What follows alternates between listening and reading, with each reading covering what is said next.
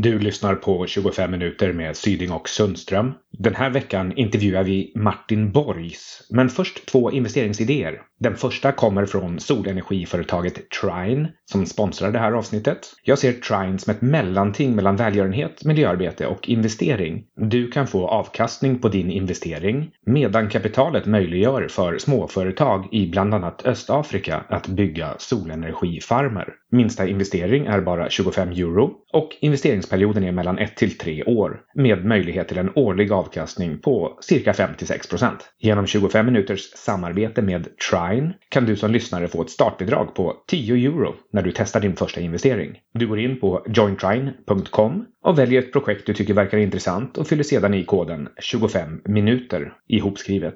Länkar finns i lyssnarbrevet. Tradevenue.se har startat ett samarbete med ett annat företag inom förnybar el, Minesto, som just nu genomför en nyemission. Minesto utvecklar system för utvinning av förnybar el ur havsströmmar. Minesto handlas på First North under koden MINEST, Minest, och du kan läsa mer om företaget på minesto.com. Pengarna från emissionen ska bland annat användas till installation, test och demo i Holyhead, Wales. Teckningsperioden pågår till den 13 februari och all information om prospektet finns på tradevenue.se. Idag pratar vi med kommunikatören, dokumentärfilmaren, föreläsaren och rådgivaren samt författaren och säkert lite mer också, Martin Borgs. Hej! Det var roligt att få vara här. Ja, tack, välkommen! Du och jag, vi känner varandra sedan eh, ett samarbete med Slöseriombudsmannen och en bok. Vad heter den boken? 365 sätt att slösa med dina skattepengar. Mm, och i mitt ex så står det att det är ett oåldrat exemplar. vad, vad står det för? Jag är väldigt glad att det är det. Men... Till Carl Mikael som minne av 8 december 2013. Obs! Oåldrat exemplar. Wow! Kan du säga någonting om varför det är oåldrat? Jämfört med de andra. Jag, jag minns det för jag tror att vi, vi satt och paketerade och skickade ut böcker då. Du var, du var delägare eller styrelseledamot i förlaget? Ja, var det? ja, både och. Både och ja. Det var inte så att de andra 2499 var hållare faktiskt. Men nu var det en ny titel. Ja, ny titel, precis. Ja. Jag är eh, sedan tio dagar tillbaka nationell digital valledare för Moderaterna. Mm. Och bakom den tjusiga titeln löj, eh, ja, det kan vara lite löjeväckande, men det finns en väldigt enkel uppgift och det är att se till att Moderaterna vinner valrörelsen på nätet. Jag tycker vi kan eh, återkomma till det alldeles strax, men, men först bara säga en sak till om det här med slöseriombudsmannen. Vad handlar den här boken, 365 sätt att slösa med dina skattepengar om? 365 olika exempel från verkligheten på hur politiker och tjänstemän faktiskt slösar bort dina skattepengar, de som du har knegat ihop. Och vad betyder slösa i det här mm. fallet?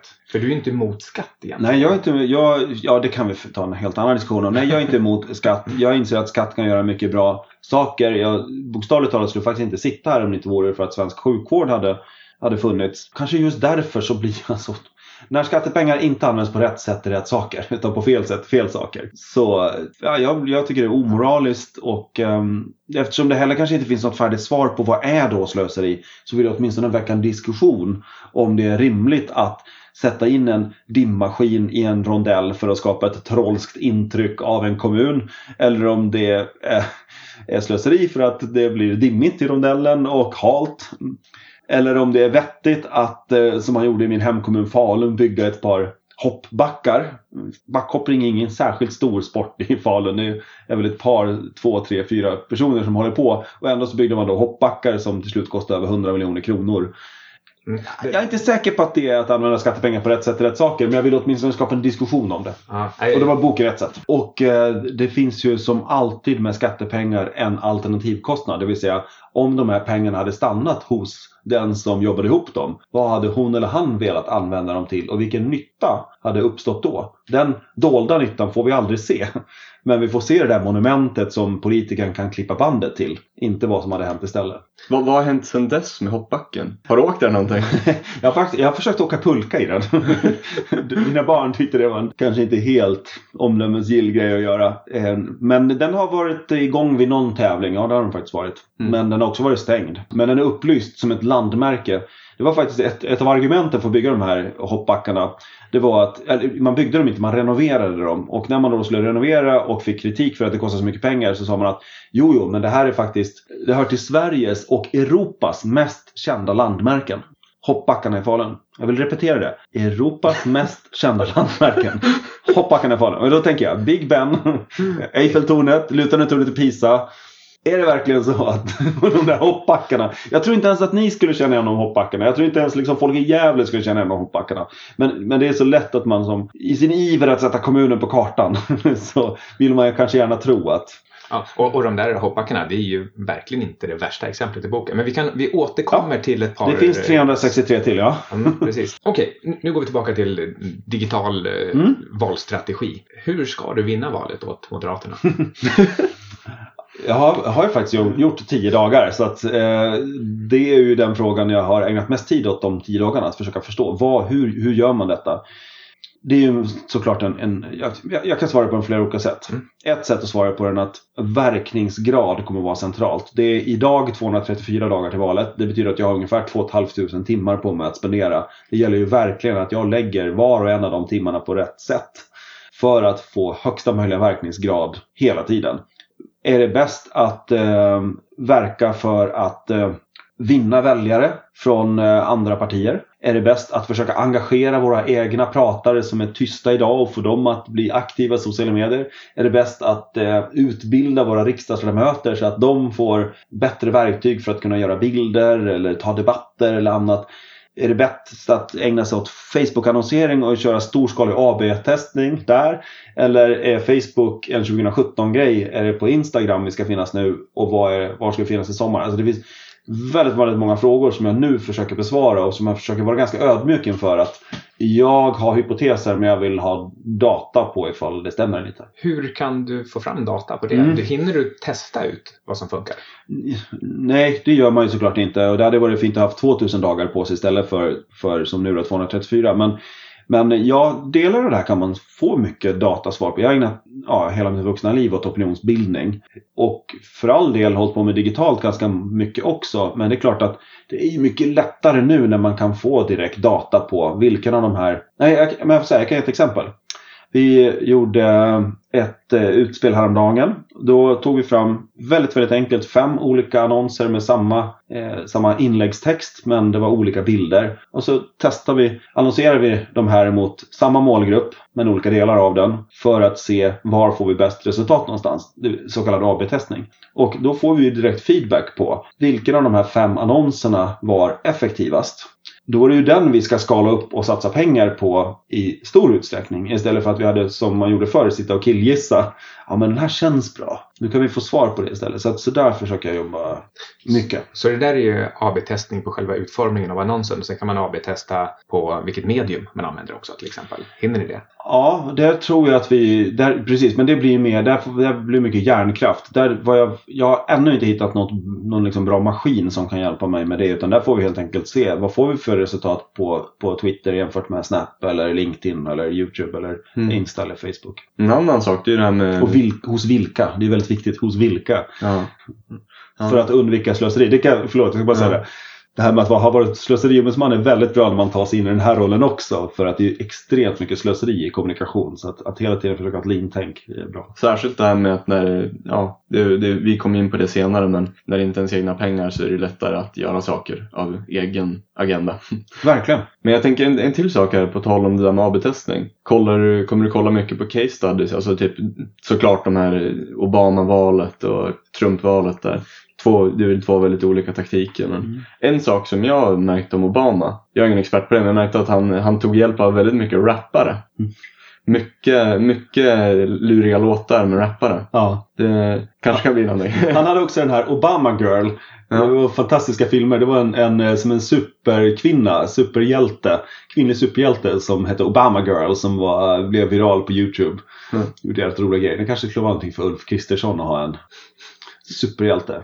Eh, svaret på din fråga Ludvig. Eh, Trumps kampanj är ju väldigt intressant för att han vann mot alla odds. Ja, ja. Då är man nyfiken på hur gjorde han då? Och om man som jag är knarkare på att best practice och benchmark och lära av andra och vara nyfiken så vill man veta hur gjorde han då? Och det pratas mycket om, jag vet inte om ni har snöat in på det här Cambridge Analytica och Project Alamo där man försökte Nej, jag har ingen aning alls om det. Ja, det, är en ganska, så här, det är en spektakulär förklaring till varför han vann.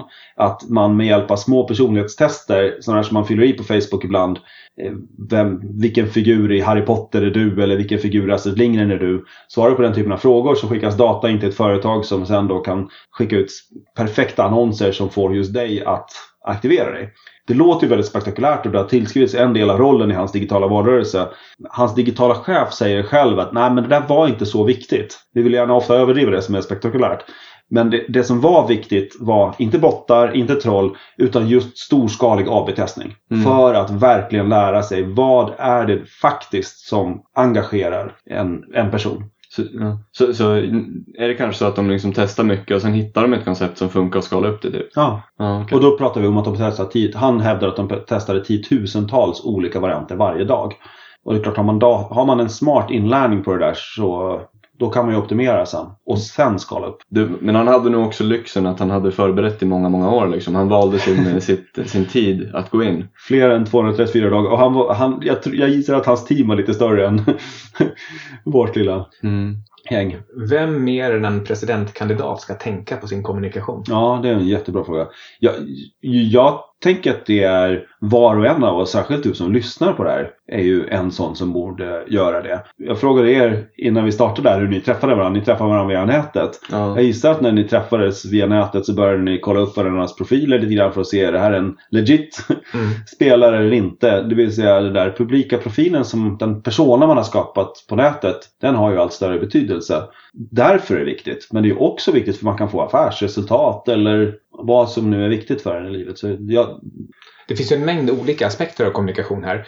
En är till exempel som du säger ens online-persona och digitala avtryck. Det kan vara hur man profilerar sig på Facebook eller Twitter eller sin blogg. En annan är ens eh, mer riktade kommunikation. Säg att man skriver ett CV och ett, och ett följebrev till ett företag. Vi kanske kan börja där. Eh, har, har du några idéer om vad man, vad man ska tänka på när man approcherar ett företag? bra, jag tänker, får man gå till sig själv då? Har jag levt som jag har lärt? Om vi ska vara väldigt, väldigt konkreta. Jag tycker att LinkedIn är eh, underskattat. Jag tycker man kan göra rätt mycket med LinkedIn. Det finns ett skäl till att Microsoft betalade, vad var det, 26 miljarder dollar tror jag. Ja, en hiskelig massa pengar i alla fall. Så jag tycker att, att, att se till att ens LinkedIn-profil är smart och tilltalande är minst lika viktigt som att ha det där CVt som man skickar in.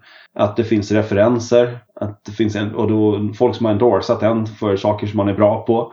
Eh, Och att man är, är aktiv och lyssnande och har en dialog med folk där. Det är rätt lätt att söka jobb. Även riktiga, riktiga toppjobb som inte annonseras ut någon annanstans finns ju där. Mm. Ja, men vill du ha jobb Ja. på Amazon eller vill du ha jobb på Google? Det är ju LinkedIn som är porten dit. Men, men jag tänker så här, vi har tidigare pratat med till exempel Robin Askelöf, som är, han är varumärkesexpert. Det är en annan form av kommunikation. Hur, är, du har byggt en karriär på kommunikation och kanske kan man säga marknadsföring också, eller? Ja, det får Ja. man väl en... Ja. Så ni har ju sysslat med Ja, olika ja, grejer, absolut. men man, man kan ändå brett säga att Oh, ja. det är marknadsföring, kommunikation, branding.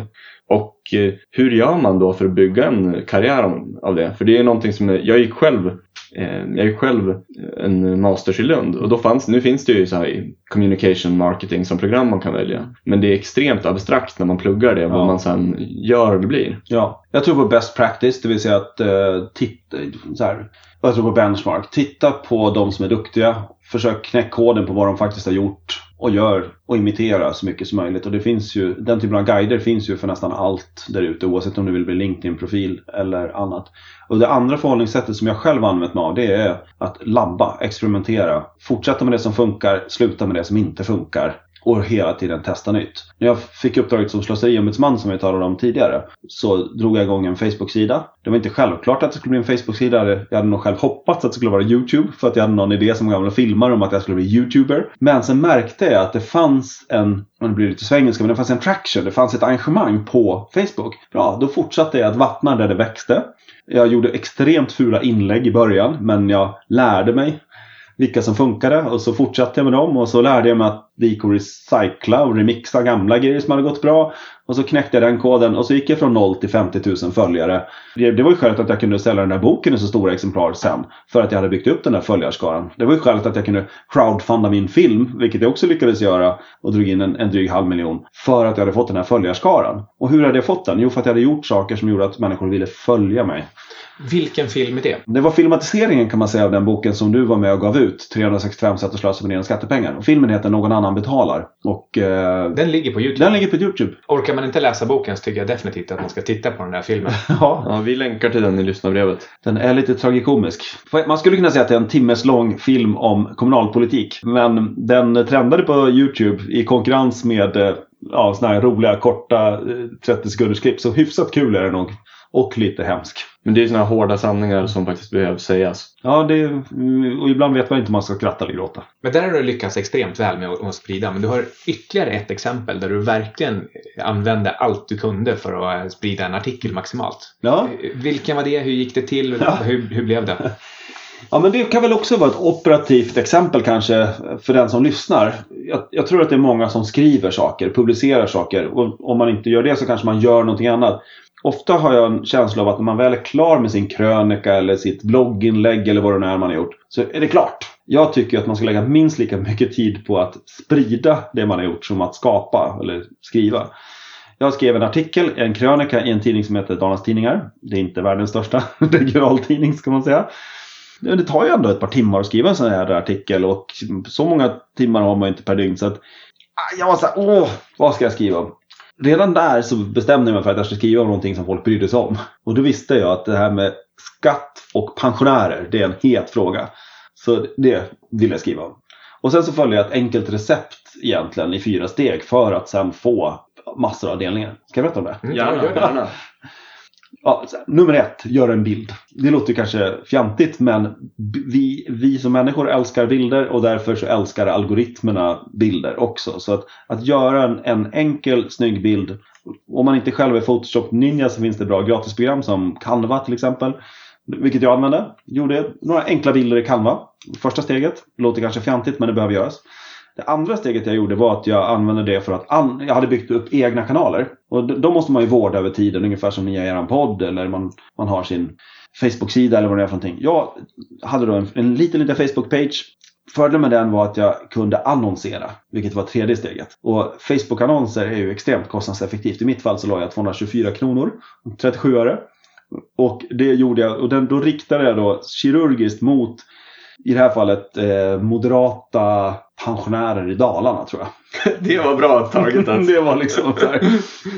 och, och hur många sådana når man för 224 kronor? Ja men tillräckligt många. Om ni tänker att Alla tänker jag. ja, exakt. och det, och jag, så här, jag, jag älskar att elda gräs. Det, det är bland det roligaste jag vet. Att liksom elda gräs på våren när man liksom ska elda torrt gräs. Och det bara woof sådär. Då har jag lärt mig att det räcker om man tänder på på ett par ställen. Om gräset är torrt och vinden ligger rätt så räcker det med ett par tändstickor. Och lite så är det med Facebook-annonsering. Tänd på på rätt ställe så kommer ju de att börja dela materialet. Och det gjorde de i det här fallet. Och det fjärde jag gjorde det var att jag pitchade ett antal starka Facebook-sidor. I det här fallet SPF som då är var det någon borgerlig pensionärsorganisation eller i alla fall icke-social. Ja, en stor levande Facebook-sida. Och så tog jag kontakt och sa att jag har skrivit en artikel, jag tror att det här kan vara intressant för era följare. De sitter ju där och ska producera innehåll hela tiden så de var ju bara glada över att jag tog kontakt med dem. Det tog också fart liksom. Så det här, det här receptet gjorde att den här artikeln har fått över 90 000 interaktioner tror jag. Blev topp 10 i hela Sverige i fjol. Ingen hade brytt sig om jag inte hade brytt mig om att marknadsföra den. Mm. Och det tycker jag är en läxa för var och en som hör den här podden. Att lägg lika mycket tid på att sprida som på att skapa. Jag undrar om man, kan, om man kan gå tillbaka till det här med Trumpvalet en gång till. Jag läste lite i samband med att vi gjorde ett annat avsnitt om det här, den här teorin generational cycles och fourth turnings. Och då var det, jag tror det var Trumps eh, kommunikationschef eller något sånt där, den här Steve Bannon. Och han, han, var, han tyckte att det var väldigt viktigt att man hade inriktat sig på en trend, en stor idé som hade blommat ut liksom, så att den hade nått en mognad. Och då hade, hade det skapats eh, ett slags missnöje som följde den här teorin i samhället. Är det någonting som du har, något, eh, har tänkt på eller eh, sett? Jag tror absolut, jag menar det är ju tidsandan. Eh, det finns något fint ord för det på tyska, vad säger man? Zeitgeist. Zeitgeist, precis. Mm. Och att ligga i, i samklang med den. Ja. Och att känna av, ja vad är det, vad är, så här, jag menar som i mitt fall nu. Vill folket byta regering? Eller vill man inte byta regering? Den måste man ju kunna känna av. Och om man nu vill byta regering, av vilket skäl och vad vill man ha istället?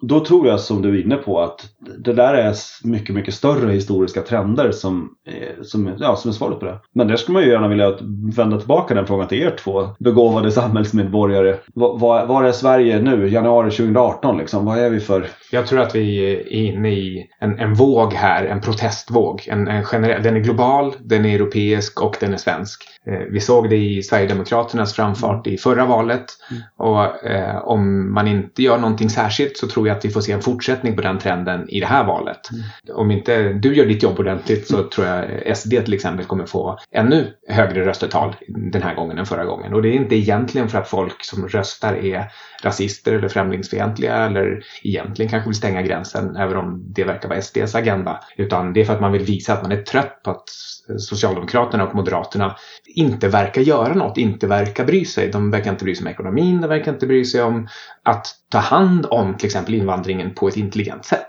Jag tror att eh, om man ska prata om en tidsanda så är det att det är förändring på gång och vad man behöver göra det, det är att ta tag i den förändringen. Ungefär som när man paddlar medströms. Man måste paddla fortare än strömmen för att man ska kunna styra. Vad säger du? Uh, jag har väl lite tankar men det är jag är nog fel person att fråga för jag har inte... Du är ju facit. Du är ju väljare.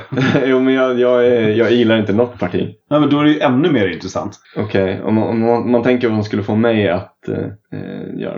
Hmm. Röst, röstar du överhuvudtaget? Nej jag gör inte det. Jätteintressant. Ja. Det blir som en liten fokusgrupp här. Det, men det är för jag är men, väldigt... men om du skulle svara på tidsandan då? Ja förlåt, det är, det är för att du är väldigt... Nej men det är för jag, jag det är inget parti som jag gillar nog liksom. Jag har läst på om det, det är ingenting som jag vill stå för. Mm. Eh, men om det är någonting man skulle göra så är det fokus, fokus på eh, entreprenörer och eh, bli av med all den här värdelösa socialismen som vi har i vår kultur. Särskilt när samhället går mot ett mer extremt samhälle där det är ett fåtal personer som skapar majoriteten av värdet. Sen är det såklart att folk kommer tycka det är orättvist men det, det, folk måste ju växa upp mentalt.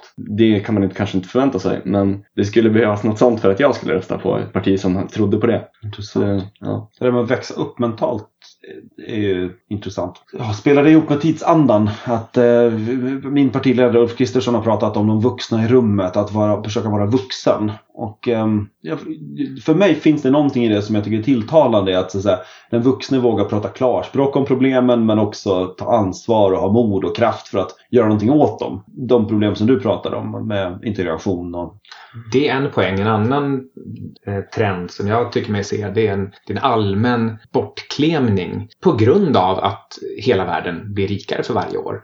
Och, och då kan vi alla bli bortskämda. Vi har alla blivit curlade i någon mening och varje generation blir mer curlad än den förra. Man vänjer sig vid att enbart titta på sina rättigheter och, och inte på några skyldigheter. Och, och, det här kan leda till ganska brännande frågor om till exempel man ska ha olika tester för att få rösta till exempel. Jo men kolla i militären, där, där får du inte vara med om du inte når upp till en viss gräns. Vi borde ha sådana, vi borde ha sådana tester i olika nivåer för varje nivå av samhället. Där, är, där folk kan göra mycket skada. För att se till att de som inte vill göra sin hemläxa ska komma och förstöra för de som faktiskt gör sin hemläxa.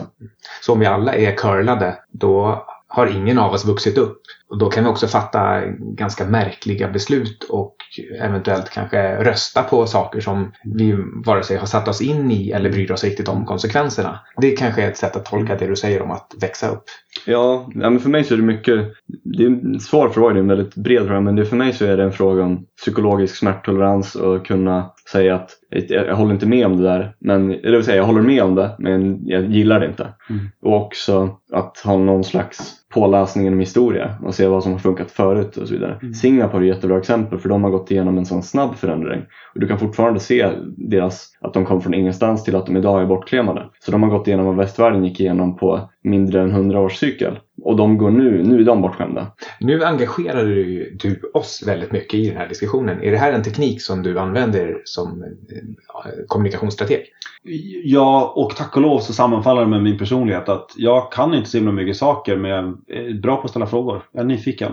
Alltså det tror jag är min stora drivkraft i livet, att jag är nyfiken och jag tror också att om vi nu ska prata konvertering så tror jag konversationer konverterar. Men det ska vara äkta, det vill säga att om jag är genuint nyfiken på era tankar så kan vi få ett formativt samtal. Och då ökar chansen både för att ni ska vara mottagliga för mina idéer men framförallt i steget innan dess att vi överhuvudtaget ska ha liksom en kanal oss emellan.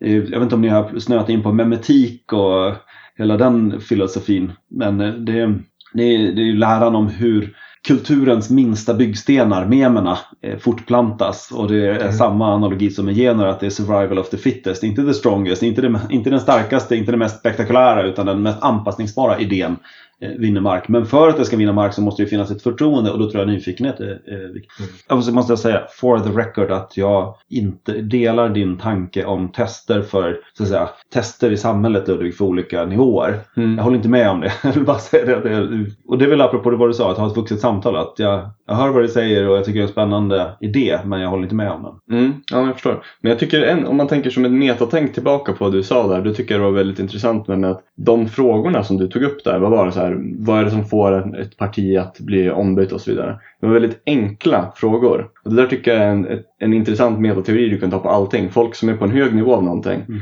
de vet vad som är alltså, mot, alltså, de grundläggande sakerna att fokusera på och lägger sin tid på att fokusera på de grundläggande sakerna istället för att kolla på så här, utreda frågor som inte spelar någon roll. Mm. Och det är ett bra exempel. Det är liknande i finans. Liksom. Vad är ett företag värt? Hur mycket pengar kan jag få tillbaka? När får jag tillbaka det? Mm. Sådana väldigt grundläggande frågor istället för liksom, hur gör jag den här svåra formen? Ja, verkligen. Och då, för mig då, eftersom verkningsgrad är en av en av mina principer som jag försöker efterleva under de här 234 dagarna och överhuvudtaget i livet så blir det ju viktigt att ställa de grundläggande frågorna för att de ger större effekt. Mm. Vad kommer Moderaterna få för procent? Eh, jag tror att vi kommer göra ett bättre val än senast. Eh, framförallt så tror jag faktiskt att vi kommer att flytta in i Rosenbad och få en chans att se till att Sverige går åt rätt håll. Så du, du tror att Moderaterna kommer vara med som regeringsbildare? Ja, jag tror Ulf Kristersson kommer att, att bli statsminister efter valet. Det låter som en, ändå en, en ganska bra åsikt att ha om man däremot, ska ta det här jobbet. Ja, ja. Däremot så, får det vara brutally honest, så kommer han att sitta kvar hela mandatperioden. Det beror på valresultatet. Det kan bli, jag tror att eh, det kan bli en ganska stökig mandatperiod. Den som ligger framför oss. Om vi tycker att den som ligger bakom oss har varit stökig så tror jag att den som ligger framför oss och även den som ligger efter den. Det kan bli, där kan det bli väldigt annorlunda saker. Det passar ganska bra in i vår, eh, våra idéer om fourth turning också. Att vi går in i liksom en riktigt turbulent ja. Eh, socioekonomisk politisk era nu de kommande 10-20 åren. Det är bra att ha en kappsäck med silvermynt. Ja. ja. och, och lite bitcoins. Arbetar du nära med dina motsvarigheter i de andra partierna, alltså allianspartierna tänker jag? Är det, blir det en allians förresten? Ja, ab absolut. Eh, det, det, vi kommer att gå till val som en allians och det finns ett samarbete, absolut. Du har jobbat med mediaträning. Mm. Hur, hur mycket, det märks inte alls. Hur, hur, hur mycket behöver partiledarna mediatränas inom alliansen? Härifrån och framåt. Alltså, jag, medieträning för mig, det handlar inte om att, att bli en robot som för fram sina talepunkter alldeles oavsett. Utan eh, för mig handlar det om att skala löken, komma in till kärnan så att man får det här man kommer fram till det formativa och det riktiga som verkligen folk bryr sig om. Det är vad medieträning borde handla om i alla fall. Och där tror jag alla politiker har en läxa att göra, att komma närmare sin pulpa. Det finns en bok som heter Writing without bullshit som handlar om att eh, gå tillbaka på din text hela tiden och se, finns det onödiga meningar och ja. onödiga ord här? Det är ja. saker som bara är fluff. Ja, och får jag en anekdot? Mm. Jag är från Dalarna och Dalarna, där täljer man dalahästar och det finns en anekdot om att en stockholmare åkte förbi Nusnäs och stannade och såg på när någon satt där och täljde dalahästar. Och eh, tyckte väl att ja, men det här såg ju liksom svårt ut så han, frå han frågade helt enkelt så här är det inte svårt det där att tälja dalahästar? Och då satt det väl någon farbror där och täljde med en bit trä i ena handen och en morakniv i den andra. Och, och så sa han så här. Du, det är jättelätt att tälja dalahästar. Man tar en bit trä och så tar du en kniv och så täljer du bort allt som inte är dalahäst. Och då är det bara dalahästen kvar sen. Och det, det, eller hur? det är writing without bullshit. Liksom. Att ta bort allt det som inte är dalahäst så är det bara kärnan kvar. Om vi tittar bakåt i tiden på ett konkret exempel. Du kanske minns när Annie Lööf gav ett, ett dokument till eh, Ja, just. Löfven. Ja, just det. Och, Ja, det minns man, ja. Käbbel och så Ja. knuffade han undan henne lite grann. Vad, vad skulle du ha sagt till Annie respektive Stefan i efterhand hur de, kanske, hur de skulle ha gjort? Ett bra exempel. Jag måste bara ge ett metaperspektiv på det där. Ja. Jag är, är mycket fascinerad över vad är det som gör att vi minns det där ögonblicket. Vad är det som gör att saker fastnar? Och det är det memetik handlar om. Att förstå varför vissa idéer sprids och varför andra idéer inte sprids. Om jag ska ge ett boktips som ni säkert redan har läst men kanske inte alla som lyssnar så är det Made to Stick av bröderna Heath. Mm. Som svarar just på frågan vad är det som gör att vi nu kommer ihåg det där fast det är ett antal år sedan. För att det var enkelt, det var oväntat, det var trovärdigt, det var konkret, det var lite känslomässigt och det var en story. Så därför minns vi det. Så det, på ett metaperspektiv tycker jag är ett bra exempel du tar upp. Och lite som du säger Ludvig också att man eh, myntade ett, ett uttryck. Ingen hade hört ordet käbbel på hundra år. och, och så som ett kommunikationsgeni plockade Löfven fram det ur bakfickan. Det är käbbel, det är bara käbbel. Det är käbbel Annie, nu är det käbbel. Men, men jag kommer att tänka... Okej, men träningen då? Jo, men, vänta. Nu vänta. använder jag ett medieträningsknep här, så märkte ni det? Att för, för att köpa lite betänketid på din mycket begåvade fråga så, så, så slängde jag ifrån mig ett köttben. Ja. Det, som ni tyckte var så här, "Ah, men det här var ju så intressant så att nu glömmer vi bort frågan. Men jag ville, ju- jag ville ju veta hur han skulle rädda de här, vad de skulle ha gjort. Jaha, ja, ja det, det funkar. Ja, det var en jättebra fråga. Jag skulle, det, den hade nog faktiskt velat vända tillbaka till dig och tänkt att du är facit och Ludvig också i det här fallet. Så, så här, hur, hur upplevde ni det? Jag, jag, tycker, jag tycker Annis grepp var genialiskt. Ehm, nu är jag ju färgad för att jag trivs på den sidan. Mm. Jag tror att kanske hade hennes strateg redan tänkt ut att han kommer nog inte alls vilja tycka att det här är kul och, och kommer reagera på något dåligt sätt. Men jag tror inte ens de hade kunnat föreställa sig att han skulle liksom rent fysiskt här, knuffa bort henne. Han, han, borde bara ha, ha tagit emot det och, och lagt ner och sagt jag tycker själv att det här är ett jätteintressant dokument men, men tack för att du ser till att jag inte tappar bort det. Ja. Ja, men för mig, jag vet inte. Alltså, jag känner inte ens till det här ögonblicket ni snackar om. Det var, ja, nej, jag vet inte. Nej, Och det, är, det där är så himla viktigt tror jag för, de, för oss som sitter i Elfenbenstornet att förstå och hela tiden veta om att utanför vår lilla bubbla så är folk ganska mycket mer brydda och engagerade om helt andra saker. Ja, men jag, jag är också ett superextrem exempel på så sätt att jag har, jag lever i min egen lilla bubbla av böcker och grejer och sånt. Och det, jag har ingen TV, jag läser inga tidningar. Det är en väldigt extrem mediadiet så att säga. Ludvig kan vara en av de sista i Sverige som hade talat om metoo. Jag berättade att, det, att begreppet fanns för ja, det är strax innan jag åkte till Sri Lanka. Så det är det senaste vi pratade om. Eh, Och, ja, det, Det- är ändå härligt att höra att han blev helt totalt tagen på sängen. Va, vad är det här för något? Ja, det är jättehärligt. Och att du fick höra det av en riktig människa. Ja, I, i, var det i ett samtal eller? Ja, här Ja. i köket. Ja. inte, inte via text eller, utan det var Ja, ett riktigt ja, samtal. ja, ja. Det är häftigt. Men jag kommer också att tänka på en sak nu här, när vi snackade med Robin Askelöv. Så snackade, vi snackade inte just om medieträning men det var lite liknande Mm. sak. Så här, liksom, hur kan man bli bättre på att träna upp sig på och kommunicera i vissa specifika fall? Och, och då gav han lite exempel på det. Men vad jag kommer att tänka på nu det är att eh, i det här fallet, du sa det här med att man skulle skala tillbaka löken och bara fokusera på det som är genuint. Och jag tror att kanske ska man undvika misstag då och tänka så här, jag har bara ett eller två medium som jag har naturlig talang för. Så här, vissa personer är jäkligt snygga. Då kan de göra Youtube-videor och webinars och sånt där. Väldigt enkelt. Men eh, många personer, typ de som är fula, de, de har ju en naturlig nackdel med att kommunicera på det sättet. Då kanske de ska göra något annat. Ja, jag håller med om det i att man ska använda sina komparativa fördelar. Mm, ja, Absolut. precis.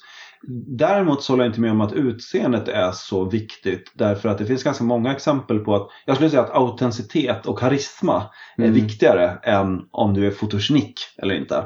Det har du rätt i. Men jag, jag drog ett extrem exempel lite. Så här med Youtube och det. Mm, men, men, men om jag är operativ så kan jag i min roll som valledare för Moderaterna så har jag ju ett antal riksdagsledamöter som är, är engagerade. Jag har ännu många tusen, ja det kan vara tiotusentals människor där ute. Det är jätteviktigt att de ägnar sig åt det medium där de får bäst effekt. Mm, vissa kanske är bättre på att skriva, vissa Ja. kanske är bättre på att snacka. Ja, och vissa kanske är bättre på konversationer. ja, Andra är bättre på att sitta och göra memer. ja.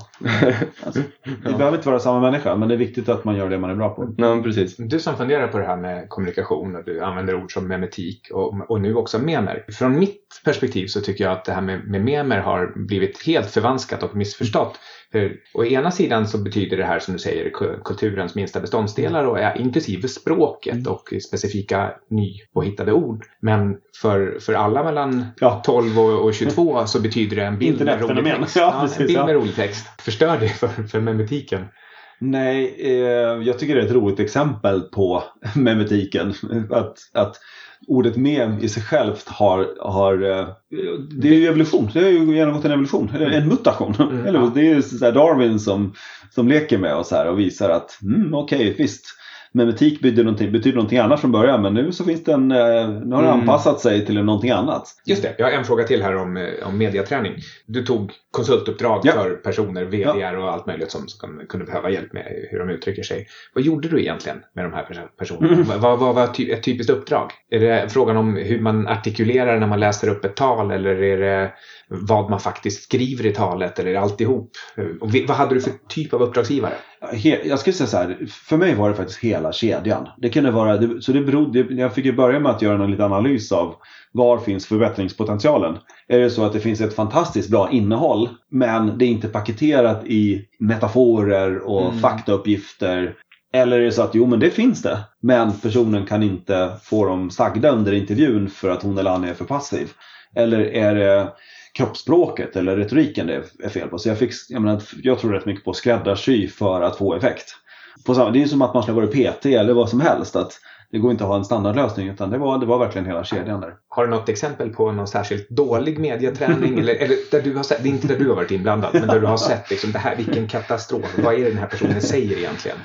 Ja, men så här, en, en klassisk tek- teknik som ju inte funkar särskilt bra det är den här papegojan. Det vill säga att man har bestämt sig för en, en talepunkt och så upprepar man den alldeles oavsett vad, vad det kommer för fråga eller inte.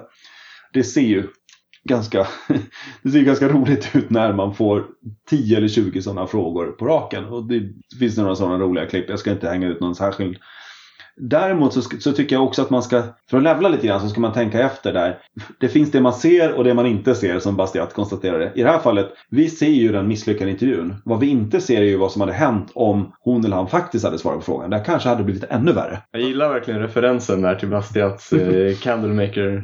Ja, den har man nytta av i många sammanhang. ja, vi har ju snackat om den en Ja, vi, har ju faktiskt till och med haft den som eh, veckans liksom, lästips. Eh, what is seen and what Ja. is not seen. Mm. Du, du värderar för det till och med skattepengar. Ja, jag Alltså vet. det är ju samma vet. sak. Så, Jag så här, vad, är, jag menar, vad hade hänt med pengarna Precis. om de hade stannat i folks fickor? Precis, det är alternativkostnaden. Och alternativkostnad. problemet där är att folk tänker inte i högre feedbackloopar. De tänker bara, först tänker de inte alls på alternativkostnaden. Så det är borta direkt. Mm. Sen har du kanske 5% av befolkningen som tänker på alternativkostnaden. Sen har du kanske 0,1% som tänker hur det är investerat Mm. över många år i, i rätt persons händer. Liksom. Precis. Som, ja, men så det, det är problemet där. Men. Jag känner mig Mm. privilegierad som sitter mitt emot två av de 0,01 procenten där. Kanske inte. Men eh, tack. Du, jag tänker, när, när man tar det till Göran Persson. Han, skulle du säga att han är en, var i alla fall en riktigt bra kommunikatör? Jag skulle säga så här, eh, som du var inne på tidigare, att det finns, det finns olika sätt att vara en bra kommunikatör på beroende på vem du är. Mm. Eh, Om man skulle göra eh, ett enkelt personlighetstest så tycker jag det finns två parametrar som är relevanta i det här perspektivet. Det ena är om du är extrovert eller om du är introvert och det andra är om du är dominant eller följsam. Okej. Och Göran, i Göran Perssons fall så skulle jag säga att han är extrovert och han är dominant. Men Låter som en klassisk alfahanne. det är en klassisk alfahanne. De är inte helt ovanliga i medieträningssammanhang. Det kan vara VDn eh, ofta. Det finns två, så här, det finns, om man ska, nu får jag vara lite fjantig. Ja, ja. om jag skulle ge ett djurnamn ja. så är det ett lejon. Så. Men den skuggsidan av lejonet är buffeln. Om man tar Göran Persson då så i sina bästa stunder så var han ett lejon, kraftfull alfahanne. I sina sämsta stunder så blev han en buffel som folk tyckte att Nej, men nu får det vara nog, nu röstar vi bort honom. Och på motsvarande sätt om du är dominant men följsam så är du en eh, ja, delfin. Alltså då kan du vara den här fantastiska komikern.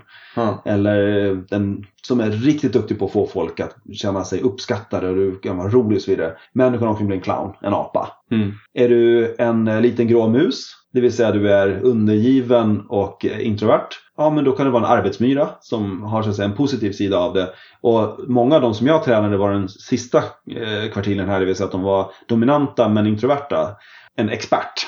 Antingen så är det den visa ugglan som alla ser upp till eller också är det åsnan som, som har väldigt svårt över att Åh, men vad då måste jag sätta punkt? Jag vill ju säga allting här och nu pratar jag mycket mer och ja, klarar liksom inte av en intervjusituation därför att man förstår inte kommunikationens villkor. Så att det var väldigt viktigt att läsa av hur man var. Jag vet inte vem ni är i den här. Ja, jag, jag, jag gillade verkligen det här. Vi måste ha med en matris med de här. Det, här, det här var ju en superbra Ja, ja. mental modell att tänka alla- från. Alla åtta. Jag är helt klart en uggla-åsna och nog mer åsna än en uggla. Men jag vill gärna vara en uggla. Ja. Men du förstår vad jag menar, det är, det är en skuggsida. Så att det var Ja. så här, alla har potential, liksom. alla har en, en roll att spela. Man måste, man måste vara försiktig på olika saker. Mm. Men är du verkligen, det undrar jag måste jag säga. Därför att det är ett typiskt misstag som man gör i tvärtom-hörnet, alltså clown-hörnet. Det är ju där man kan säga grodor. Typ som i mitt fall. Skriva i din bok att, jag, att det är ett oållat exemplar. Det är ett typexempel på sådär dåligt omdöme men lite roligt liksom så. Den som är, vad sa vi, uggla. Hon eller han brukar vara livrädd för att säga grodor men de gör dem aldrig. Så är du verkligen? Är du? Det är ju förstås svårt att bedöma sig själv och jag har jobbat extremt mycket med min egen person och huruvida Egentligen ska det inte råda någon som helst tvekan om att, om att jag har Aspergers. Men eftersom jag har jobbat medvetet med det i 30 år så de flesta skulle säga nej det har du inte alls det. Och, och då är frågan om jag, om jag verkligen är en uggla åsna eller om jag egentligen hör hemma någon annan, annanstans Wow. eller kan röra mig fritt i tid och rum. Det- Jättespännande! Högst oklart. Wow. Så det, det får någon annan säga. Jag är INTJ på, på den eh, skalan. Så, och det är väl en uggla. Just det, det är det verkligen. Just det, jag borde korsköra den mot Ja. Myers-Briggs. Ja. Eh, Just det, jag kom att tänka på det när vi pratade om, om, om Persson. Hur kan han släppa den här dokumentären Ordförande Persson? Okej, han var klar med sin gärning, men varför vill han till... Eller förstod han inte att han framstår som alltså, mer bufflig än den buffligaste buffel i den där? Han, han, eh, de som inte har sett Wow. dokumentären, och den finns säkert på YouTube, det är massor med typ 5, 6, 7, 8 timmar med intervjuer där han helt enkelt bara nedvärderar alla andra han någonsin har kommit i kontakt med. Väldigt rolig i alla fall. Vad, Varför gjorde han det? Hur kan, hur kan han släppa igenom det här? Det är väl den största mediegroda Ja. som någonsin har gjorts egentligen. Förutom det att han, han ju redan var klar med sin gärning så det spelar ingen roll. Men varför? tänk om det är så att, att eh, Göran Persson får rätt, så att säga. Att det där var rätt. Om, om han får rätt, att, han, att det var taktiskt rätt av honom att göra det och vi tre sitter här och tycker att det var fel. Då, om det är så att han har rätt, då tror jag att det är för att han tänkte verkligen i stora tidsepoker. Att när någon sitter och tittar på det där om hundra år eller om tusen år så kommer de att säga att ja, men Machiavelli, han, det är klart att han var rätt person att beundra i Florens på sin tid. Intressant. Riktigt intressant perspektiv. Och kanske då ett, en, ett visst mått av hybris för att kunna tänka i de långa epokerna. Det är lite som Napoleon. Ja, berätta. Ja, men det, man kan, där kan man snacka om en timme liksom. Men det, han valde ju inte att skriva en biografi. Det säger sig självt. Ja, men det, jag, jag tycker alltså, jag blir helt, eh, tappar nästan hakan av, av det här perspektivet. Jag älskar nya perspektiv. Och jag vet ju själv att när jag tittar på eh, riktigt gamla filminspelningar och så hör man statsmännen på den, sidan, den tiden. De kunde säga nästan vilka dumheter som helst men de framstår som statsmän. Mm. Och det är väl kanske det han gör här, att han framstår som så oerhört överlägsen sin samtid. Och han dessutom faktiskt var eh, som ordförande och, och eh, partiledare och sådär. Så, eh, Kraftfull statsminister. Ja, så tillräckligt lång tid emellan så, så framstår han som mycket större än vad han egentligen var. Så jag, jag tror att han tar, min, min hypotes, jag tror att han talade till historien. Ja, ja. Inte till samtiden. Mm. Eh, Jag kan ha fel. nej men verkligen eh, intressant. Men, men, men mest för att jag ska försöka förstå. som, Mm. som precis samma fråga som ni ställer. Varför? Och det där tycker jag faktiskt är... eh, Men du har en- rätt. Du, du är inne på en generell modell här också, där man hellre, man, man alltid själv ska tänka i termer av att jag måste förstå varför det är rätt, Ja. snarare än varför gjorde han det här i största allmänhet. Utan det är sånt där, okej, han- man måste utgå från att han hade rätt och sen hitta förklaringen Ja. på det. Det är lite som när man gör en eh, pre-mortem på, på ett beslut, pre-mortem, istället för post-mortem, om man försöker analysera vad som gick fel. Så utgår man från att det har redan gått fel. Vad var det jag gjorde fel då? Och så kan man analysera det redan innan man... Det är en bra modell. Den ska jag knycka. Den kommer att bli bra i valrörelsen. Ja. och vi, vi pratade om medieträningar tidigare och där, där är det verkligen, tycker jag, om jag får ge den som lyssnar ett råd, att nästa gång som du tycker att någon är en idiot för att hon eller han inte svarar på frågan, så är det ju för att vi vet ju faktiskt inte hur det egentligen är. Och det är lätt för kommentatorer och för självutnämnda medieexperter att säga att jo men det, man, det vad man ska göra är att man ska lägga korten på bordet och man ska vara tillgänglig och man ska göra de där sakerna. Mm, om man har varit i riktigt skarpt läge då vet man att ibland är det faktiskt inte det bästa alternativet för det, det kanske blir ännu värre. Särskilt på social media nu för tiden. Det, det, ja, det, det kan gå snett. Ska man göra en pudel? Är det fortfarande strategin som gäller? Alltså, jag, jag var aldrig någon stor vän av, av pudlar. Men eh, jag tycker det är lite för... Ja, så här ska jag säga. Jag, nu President Bartlett kan man inte riktigt ta som referens längre. Han var president i en fiktiv tv-serie. Eller en tv-serie om en fiktiv president. Eh, West Wing som gick i början på 2000-talet. Vita huset. Vita huset, ja. En av världens mest populära tv-serier genom tiderna. Ja, Många, den trodde, sett. många trodde ju att han var president. Ja, det är häftigt. Ja. Jag, jag har honom på min axel och funderar vad skulle Bartlett ha gjort? Mm. Det tycker jag. Vi pratade om Stefan Löfven och Annie Lööf tidigare. Då tänkte jag, vad hade, vad hade Bartlett gjort i den situationen? Han hade gjort precis som du sa. Det vill säga att han hade sagt tack Annie, eh, jag tar till mig det här och gjort någonting.